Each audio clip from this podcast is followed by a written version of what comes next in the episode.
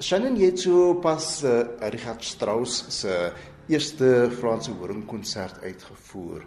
Um, hy het dit oorspronklik vir sy pa geskryf, Frans, wat ook self 'n voorste horingspeler was. So met ander woorde, hy het eintlik 'n werk vir sy pa geskryf om te wys wat sy pa kan doen.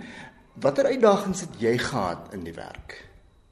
I think the greatest challenge I find believe it or not with this particular Strauss is to to make the work exciting but also bring across a a clean performance.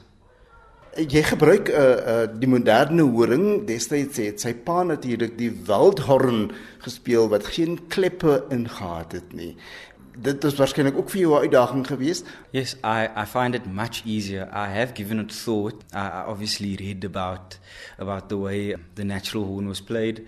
I've I've had a go at the natural horn myself and I I think it's actually I, I wouldn't be able to actually manage this particular concerto on a natural horn at all. Mense sê baie keer die Franse horing is die moeilikste instrument in die orkes om te bespeel. I think to a degree it arguably is, but fortunately because of this um, the stigma that's going around about it being so difficult, you'll find that orchestral parts for the French horn aren't actually very technically challenging. The uh, the composers all took that into account, and a lot of the modern writers today take that into account as well. So it's very very difficult. I think so indeed, um, as with any instrument, but the the music definitely I think is a few technical levels back compared to what the other instrumentalists are are doing or have written for themselves. Baie interessant is dat heelwat komponiste het die Franse horing nogal redelike prominensie gegee in hulle werke. I think a, a good reason for that is is that the horn has such vast tone colors. Uh, it's really an instrument that I feel that that can blend in almost any setting. I mean, we played a piece back in Cape Town for the composers competition where the orchestration was actually string orchestra and the horn section. It was challenging, but I mean, it, it wasn't. It's not really like the other instruments were missed, and uh, I think the voicing worked quite well together as well. Uh, Shannon, mense sal nog graag wil weet hoekom het jy dan nou die Franse horing gekies toe jy nou destyds uh, musieklesse begin het? It's a funny story how I started the French horn. I was actually a trumpet player before, but at, at my primary school, we had a school play, and the trumpet teacher at the time played the trumpet in this concert, and my mother was mesmerized, and she thought, let's let's give it a try. And I, I think I was doing my, my grade six eventually with Sean Kierman.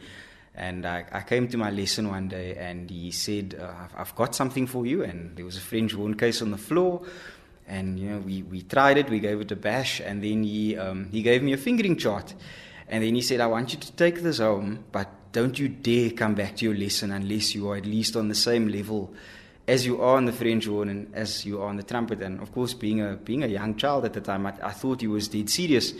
So he gave me the syllabus. He had the librarian at, at Beausoleil Music Center copy the whole grade six horn syllabus for me and I, I went home and I, I, did my six hours a day and I, I came back with the whole syllabus lint. And of course, he had a good laugh. I, I, didn't realize that he wasn't serious. He was just making a joke. And then he said, Well, that's that. Throw your trumpet away. we can continue with the horn.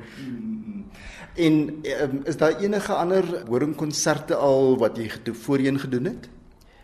I once performed uh, just the first movement of the Glière horn concerto with the UCTSO while I was still studying at UCT.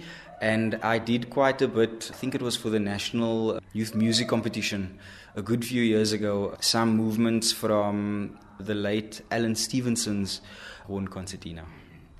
Is daar enige spesifieke horingkonsert wat jy graag sou wil uitvoer?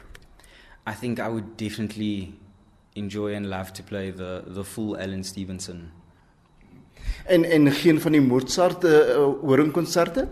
You actually just reminded me. For the Manus Kleinarts Festival, I performed Mozart's Fourth Horn Concerto. I, I, chose that concerto because it's it's one of the more technically impressive concertos, still lyrical, of course.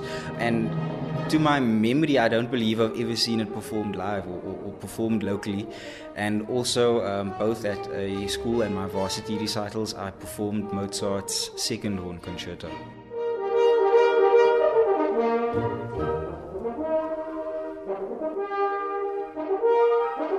you.